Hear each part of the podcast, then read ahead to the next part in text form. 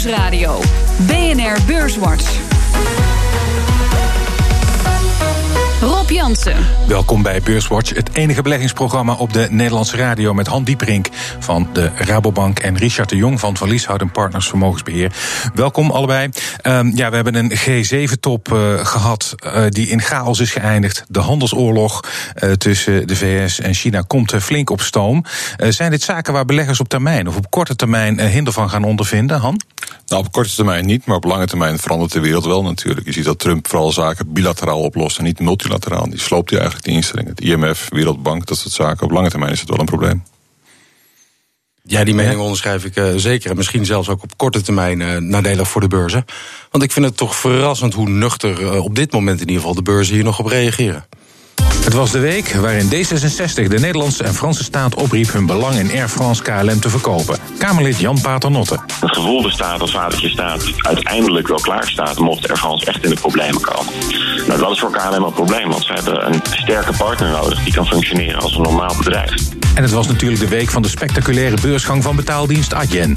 Stan Westerterp van JNVB vindt de waardering voor Adyen wel erg hoog. Adyen is een prachtig bedrijf met een heel mooi potentieel groeipad. Maar als je puur naar cijfers kijkt nu, nog geen 300 miljoen omzet... dan denk ik, dan is een waardering van 13, 14 miljard wel erg aan de hoge kant. En omdat het met de inflatie in de eurozone de goede kant op gaat... nam de ECB het volgende besluit. We will reduce the monthly pace of the net asset purchases to 15 billion euro until the end of December 2018 and then end net purchases. Ja, Mario Draghi hoorden we hier, de president van de ECB. Uh, het opkopen van obligaties wordt gestaakt met ingang dus van volgend jaar. Uh, het gaat uh, goed met de inflatie in de eurozone. Um, is dit een goed getimede beslissing, Han? Wat denk je? Uh, nou ja, die beslissing zat er al aan te komen. Dus het was eigenlijk conform verwachting. Uh, de ECB heeft al 2,4 biljoen. Zeg maar, ja. Dat is wel erg veel. Dus als je de geldkraan open, de geld het overstroomt bijna, zoveel ja. is het. Uh, 40% van de Europese economie, als je zeg maar, aan tegenwaarde kijkt.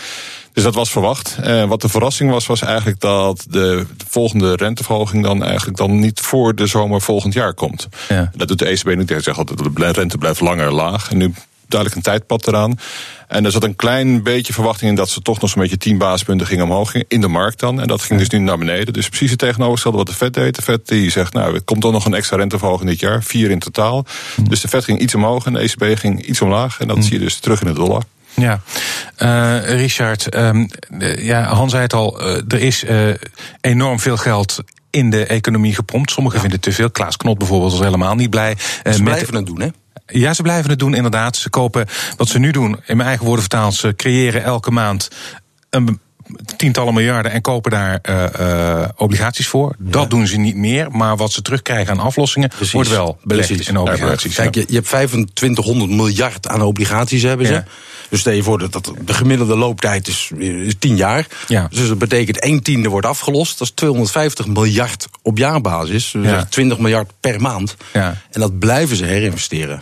Dus er blijft nog steeds een grote koper in de markt. Ja. Um, moet dat dan niet misschien nog sneller aangepast worden? Als je kijkt naar wat dit er nu is eigenlijk ook een beetje de strategie die uh, de Fed heeft uh, gevolgd. Die is ook gestopt uh, met het op koopprogramma. En later zijn ze gestopt met het herinvesteren. Uh, of een aanzienlijk uh, minder herinvesteren dan dat er binnenkomt. Ja. En dat uh, pad volgt de ECB eigenlijk ook. En dat was een succesvol pad. Hè? Want ja. Fed heeft nu zeven keer de rente verhoogd. Ja. En de Amerikaanse beurs staat in die tijd 50% hoger. Ja. Dus ja, je kunt wel zeggen dat iedereen zegt het allemaal slecht voor de beurs. Maar in ieder geval empirisch in Amerika blijkt, zeven keer, dat is prima. Ja, maar goed, uh, Amerika heeft het gedaan. Um, Even kijken naar economisch. Zeg maar, zeggen, zeggen jullie eigenlijk allebei, ja, Knot moet eigenlijk niet zeuren. Het is gewoon een goed beleid geweest van de ECB en het wordt nou afgebouwd, dus uh, niks aan de hand? Nou, waar Knot terecht bang voor is, is natuurlijk dat er bepaalde excessen zijn, zeg maar. Dus dat die pas op het moment dat de geldkraan weer dichtgedraaid wordt, dat dan komt blijven van, ja, dit is toch scheef, of dat is scheef, de huizenmarkt of andere zeepbellen, die zie je pas natuurlijk achteraf. Als de geldkraan dichtgedraaid zie je pas echt de echte gevolgen. Ja. Dus je ziet natuurlijk wel dat als de, de, de, de markt zo verstoord wordt, dat je natuurlijk pas later de consequentie daarvan ziet. Dat ja. is dus niet goed te zien nu, maar misschien pas op termijn. Ja, kijk, en je moet ook altijd realiseren, dit, dit zijn hele moeilijke discussies. Want je weet niet hoe de situatie eruit had gezien als we het niet hadden gedaan. Nee. En laten we ook niet vergeten, tien jaar geleden lag de economie op zijn gat. En mede dankzij het beleid van de centrale banken wereldwijd zijn we eruit gekomen. Dus misschien zijn ze te ver gegaan. Wie zal het zeggen? Dat is lastig te bewijzen. maar we hebben er ook wel veel goeds voor in de plaats gekregen.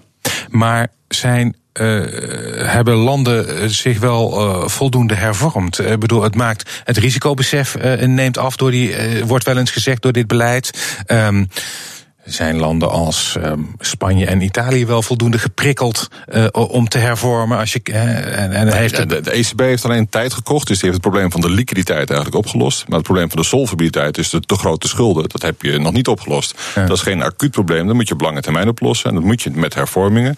En eigenlijk ja, is dat aan de politiek. En dat gaat in Europa met compromissen. En dat duurt soms wat langer, zeg maar. Ja. Dus ik. Uh, dat mag nog wel wat verder komen. De federalisering van Europa heb je daarvoor nodig. Om dat, ja. De, ze, het is, uh, om, er is nog een slag om de arm gehouden door de ECB.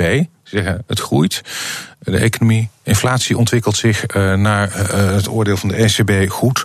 Maar ze houden een slag om de arm. Ze kunnen ook doorgaan met dit programma, mochten de omstandigheden drastisch wijzigen. Zit die kans erin, Richard? Nee, dat denk ik niet. Maar het past wel helemaal in de stijl ook van Draghi dat er wat mitsen en maren altijd plaatsvinden. Kijk, je ziet de inflatie is aan het stijgen. Maar de, de, de, kerninflatie, waar de centrale bank vaak naar kijken, de ECB uh, helemaal, die is nog niet uh, op het niveau waar ze het uh, hebben willen. Dus ze houden een terecht voorbehoud. Maar het is ook om te kijken. En dat zullen ze nooit aan het publiek toegeven. Maar mocht het fout gaan met een Italië. of dat ze toch nog wat munitie over hebben. Maar dat kun je natuurlijk niet zomaar zeggen tegen de wereld. Nee. Nou, nou voor Italië heb je wat meer nodig dan wat munitie. Maar, ja. Nou ja, even door een zwarte bril kijkend. Um, als je dan kijkt naar de economische groei in Europa, er zijn ook wel wat signalen dat het wat minder gaat de ja, laatste tijd. En je absoluut, hebt een ja. surprise index, die wordt samengesteld door Citigroup in samenwerking met Bloomberg. Die geeft de afwijking aan tussen de economische data en wat economen daarvan hadden verwacht. Ja. En die staat eigenlijk op onweer. Nou, dat valt er mee. Nou, het is vooral heel laag. Jij staat laag, maar dat komt vooral omdat economen de verwachtingen uit het verleden wat hadden doorgetrokken van die lijn. En ik denk, nou, het gaat heel mooi. En dan valt het tegen ten opzichte van de verwachtingen. We hebben nog steeds groei. En ook de ECB heeft een groeibestelling voor verwachting van dit jaar van 2,4 naar 2,1 bijgesteld. Ja. Dus is naar beneden. Maar als je kijkt, we zitten bijna op de helft van het jaar. Wat de eerste half jaar groei is, dan is het eigenlijk dat het in het tweede half jaar beter gaat volgens de ECB. Maar zo sterk was het eerste half jaar niet. Nee. Dus ja, de ECB is naar beneden gaan. Als je bijvoorbeeld kijkt naar de Fed, de Atlanta Fed, die heeft ook een groeiverwachting voor dit kwartaal. Die zit maar liefst op 4,8 procent. Dus als je dat gat kijkt in groeiverschillen tussen de VS en Europa. Ja, dan is eigenlijk nog verbazingwekkend dat de dollar nog niet wat sterker is geworden. Ik bedoel, een sterke economie heeft uiteindelijk ook een sterke munt. Ja. Um, het was ook eind vorig jaar waren analisten wel, uh, en beleggers trouwens ook, zo positief over Europa. Mm.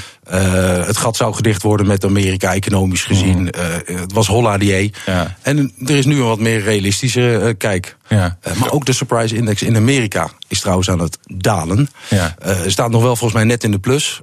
maar dat wil niet zeggen dus nogmaals dat er een, een, een economische krimp komt. Alleen dat de cijfers iets minder positief zijn dan analisten hadden verwacht. Ja. Um, uh, als we kijken naar uh, uh, ja, donkere wolken aan de hemel, waar we het begin ook al even over hadden. Donald Trump heeft vandaag officieel een tarief ingevoerd op Chinese import ter waarde. Een goederenstroom ter waarde van 50 miljard dollar. Die wordt getroffen met een heffing van 25 procent. Um, ja, op termijn gaan we dit wel merken. Nou, op termijn gaan we vooral merken wat Trump doet, is dat die multilaterale instellingen, zoals de Verenigde Naties, daar heeft hij niets mee. Het IMF, de Wereldbank, daar gaat ook geen funding meer toe van de Amerikanen. Dus je stelt heel moeilijk de mensen worden niet vervangen. En hij wil dingen dus bilateraal oplossen, dus één op één. Dat zeg ik ook met de G7. Hij moet helemaal niks hebben van die praatgroepen. Hij wil gewoon één op één met een land schakelen. En dan hoopt hij, de, de art of the deal, hoopt hij dan zeg maar een betere deal voor de VS eruit te slepen. En dan is er wel zaken te doen. Alleen, eh, ja, dus hij probeert dus op deze manier, dus met wat blokkades te werken, we zaken te doen. Ja, en dat kan natuurlijk fout aflopen. Maar vooralsnog, als je die 50 miljard en als je kijkt naar dat percentage 25% is natuurlijk veel geld. Ja. Maar op de brede economie is het, ja, het komt niet eens voor in de mm. statistiek. Dus het heeft niet heel veel impact. Maar ja, jij denkt misschien dat het op korte termijn toch wel wat. Uh... Ja, dat denk ik wel. In ieder geval uh, zorgelijk. Uh, het was nog niet zo lang geleden dat we dachten... ach, het blijft een beetje bij dreigen... en uiteindelijk is het, uh, komen ze er wel uit. Dat geldt zowel met Europa als met China. Mm. Maar zowel met Europa als met China... zijn nu de eerste stappen echt gezet. Ja. Uh, en, en, beide machtsblokken, China en Europa, uh, gaan ook weer handelsbeperkingen opleggen, slaan terug. Trump heeft gezegd, daar ga ik weer op reageren. Ja, en dan zijn de poppen echt aan het dansen. Dat betekent gewoon dat de handel minder wordt. En daar heeft de consument last van, daar heeft het bedrijfsleven last van. Dus je kunt alleen maar hopen dat dit weer een extra verdieping is van... Uh, ik ga dreigen en kijken wanneer iemand toegeeft. En dat uiteindelijk uh, de echte, de, de, de handelsoorlog uh, beperkt zal blijven. Maar de eerste klappen zijn uitgedeeld. We gaan het zien. Zometeen praten we verder over beurs en economie, onder andere over de beursgang van Adyen. BNR Nieuwsradio.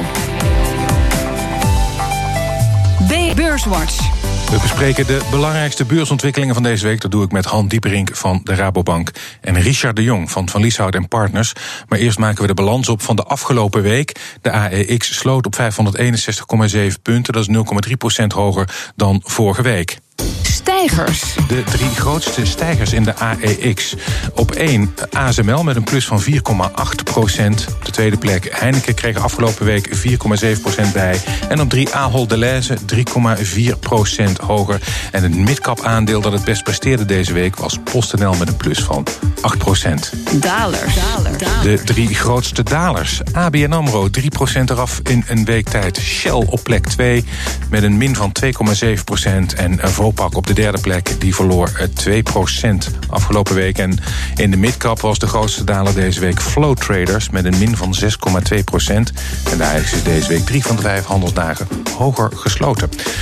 Um, Laat ik beginnen met uh, ja, eigenlijk uh, het nieuws van vandaag. Het kabinet uh, heeft een draai gemaakt op het gebied van de postmarkt. de overheid wil zich wat meer terugtrekken uit die postmarkt, zich daar minder mee bemoeien, liberaliseren. Um, PostNL komt daarmee ja, toch meer onder de invloed van de vrije markt. Is dat goed nieuws, Han? Ja, ik denk het wel. Dat is een deel van de hervormingen die we in Europa zoeken. Het gaat niet alleen om post, maar ook om telecom, nutsbedrijven. We hebben toch een beetje de neiging om in elk land zo'n beetje drie, vier telecombedrijven te willen... die dan niets te maken moeten hebben met telecombedrijven in het land en naast. Terwijl als je wat consolidatie hebt in Europa, dan zou het een stuk beter gaan. En ook zeg maar, op het gebied van fusies en overnames zie je toch dat heel vaak gekeken wordt naar land, marktaandelen binnen een land, maar niet op Europees perspectief. En met name dit soort bedrijven die heel veel baat hebben bij schaalgrootte, ja, dat uh, zou een goede ontwikkeling kunnen zijn. Goede ontwikkeling, maar wel heel zuur, uh, Richard, voor de mensen die... Onbegrijpelijk. Uh, ik zie nog Henk Kamp... De, de, draai. Ja. ja, Henk Kamp fel tegen invloed van B-Post. Wilde ja, het, het, het, zou ten koste gaan, de overname ja. post door Belgische Post. Ja. Ten koste van de werkgelegenheid, de dienstverlening. Nou, wat is in de tussentijd gebeurd? Er zijn heel veel mensen zijn er ontslagen. De prijzen zijn verhoogd, dus de dienstverlening is verschraald. maar goed, ze zijn nu, nu is de overheid gedraaid. Uh, mm. Hoewel ik het een kwalijke zaak vind dat je 180 graden kan draaien als overheid in, in zulke korte tijd, ja. vind ik het wel een hele goede zaak dat er nu meer marktwerking uh, wordt toegelaten. Misschien wel een reden om uh, PostNL. Uh, ja, die had je dan eigenlijk al in portefeuille moeten hebben. Want dat kan misschien nog wel verder gaan profiteren. Wat denk je, Hans? Ja, nou ja, van de consolidatie kunnen ze meer geprofiteerd. Dat scheelt echt wel in de kosten. Maar ja. Uh, ja, goed, het is natuurlijk wel een organisatie met heel veel personeel. En ook nog ja. een heel groot pensioen wat eraan vasthangt. Dus ja het blijft lastig, maar ja, op zich die pakjesmarkt, ja, dat lijkt toch iets wat wel uh, op termijn zou moeten kunnen groeien. Dus. Ja, het is wel zo dat als je uh, je markt openstelt, uh, liberaliseert, dan is het wel belangrijk dat andere landen dat ook doen, Richard. Want anders heb je geen gelijk speelveld. Absoluut, absoluut. En, en, en dat die klacht is er nog alles dat wij hier te ver, te ver voor de muziek vooruit lopen. Ja, we willen nog wel eens het braafste jongetje van de klas zijn op, op vele gebieden. Uh, desalniettemin, wij zijn een hele kleine markt. Als je het vergelijkt met, met Duitsland of het Verenigd Koninkrijk of een, of een Frankrijk. dus voor ons als relatief kleine speler is het van belang dat het buitenland de markten openstelt. En andersom voor een Duitsland of een Verenigd Koninkrijk is dat wat minder van belang dat Nederland dat doet. Maar desalniettemin, het is een ontwikkeling die ik, die ik toe, toejuich. Hmm. Um, we hoorden aan het begin van de uitzending Stan Wisselterp even um, over betaaldienst Adyen. Daar moeten we het natuurlijk over hebben, want het is een van de uh, succesvolste uh, beursgangen in de techsector in ja. Europa zelfs. Uh, dat aandeel heeft uh, een eliteclubje schatrijk gemaakt bij de beursgang. Op de eerste dag verdubbelde de waarde bijna. De marktwaarde is nu over de 12 miljard euro. inderdaad, van een bedrijf dat een omzet heeft van 300 miljoen. Um, ja, het is dus al flink gestegen. Han, is dit een aandeel wat jij zou willen hebben?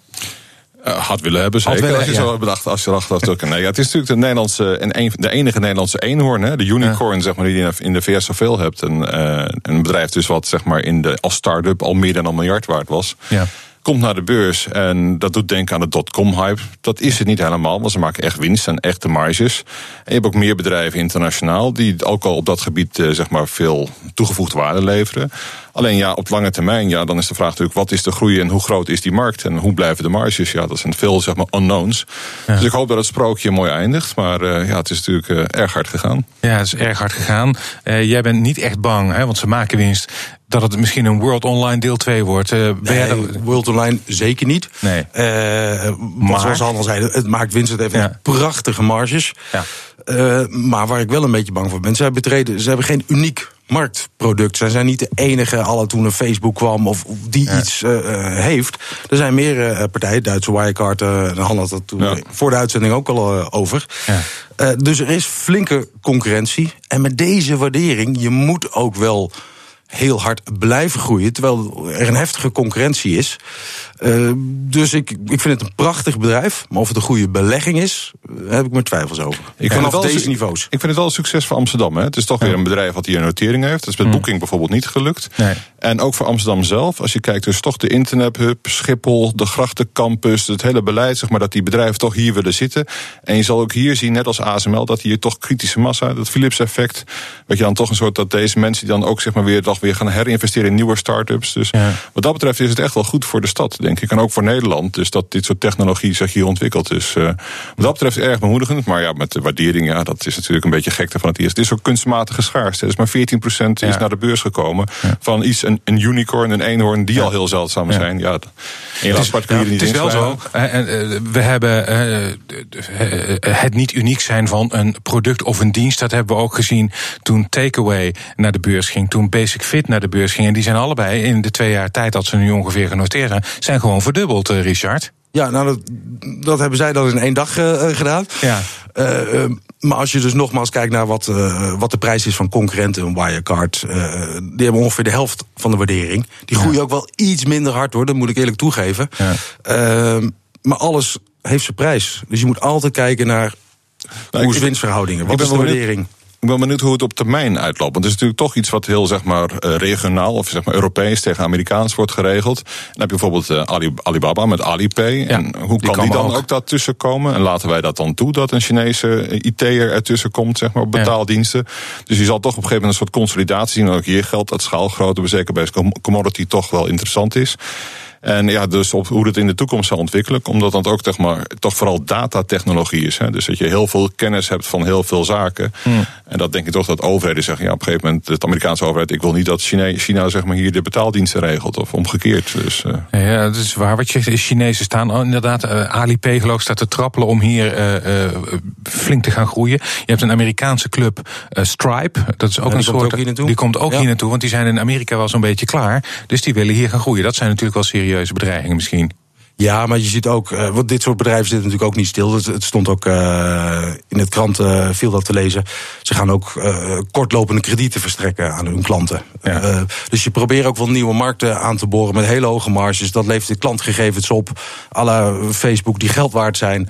Dus ze, ze boren ook nieuwe markten aan. Ja. En zit ook niet allemaal in hetzelfde segment. eh, segment hè. Soms is het business to business of business to consumer. Dat verschilt wel een beetje. Hoor. Dus je hebt ook grote creditcardmaatschappijen zoals Visa en Mastercard. Die doen ook weer een ander deel van de markt. Dus je moet erg oppassen met waar je dan precies uh, je analyse op maakt. En in hoeverre uh, gaat, uh, gaan dit soort bedrijven zeg maar, het bankenlandschap veranderen? Concreet is voor jou misschien lastig te beantwoorden, want je, Nou, zit, je, je werkt bij een bank. Maar Nou ja, wat je dus fintech als algemeen ziet, kun je zeggen, dat is een uitdager, dus een bedreiging voor de Ja. banken. Tegelijkertijd weet je wel dat fintech een, kwestie is van automatisering, van het gebruik van IT. En als je binnen een bank kijkt, dan is het eigenlijk een, eh, ja, een IT-systeem met heel veel mensen. Ja. En dit is toch een mogelijkheid om zeg maar, kosten te besparen, dus in de mensen daadwerkelijk. En dat betekent dus dat het voor een bank aan- aantrekkelijk is om fintech toepassingen toe te passen.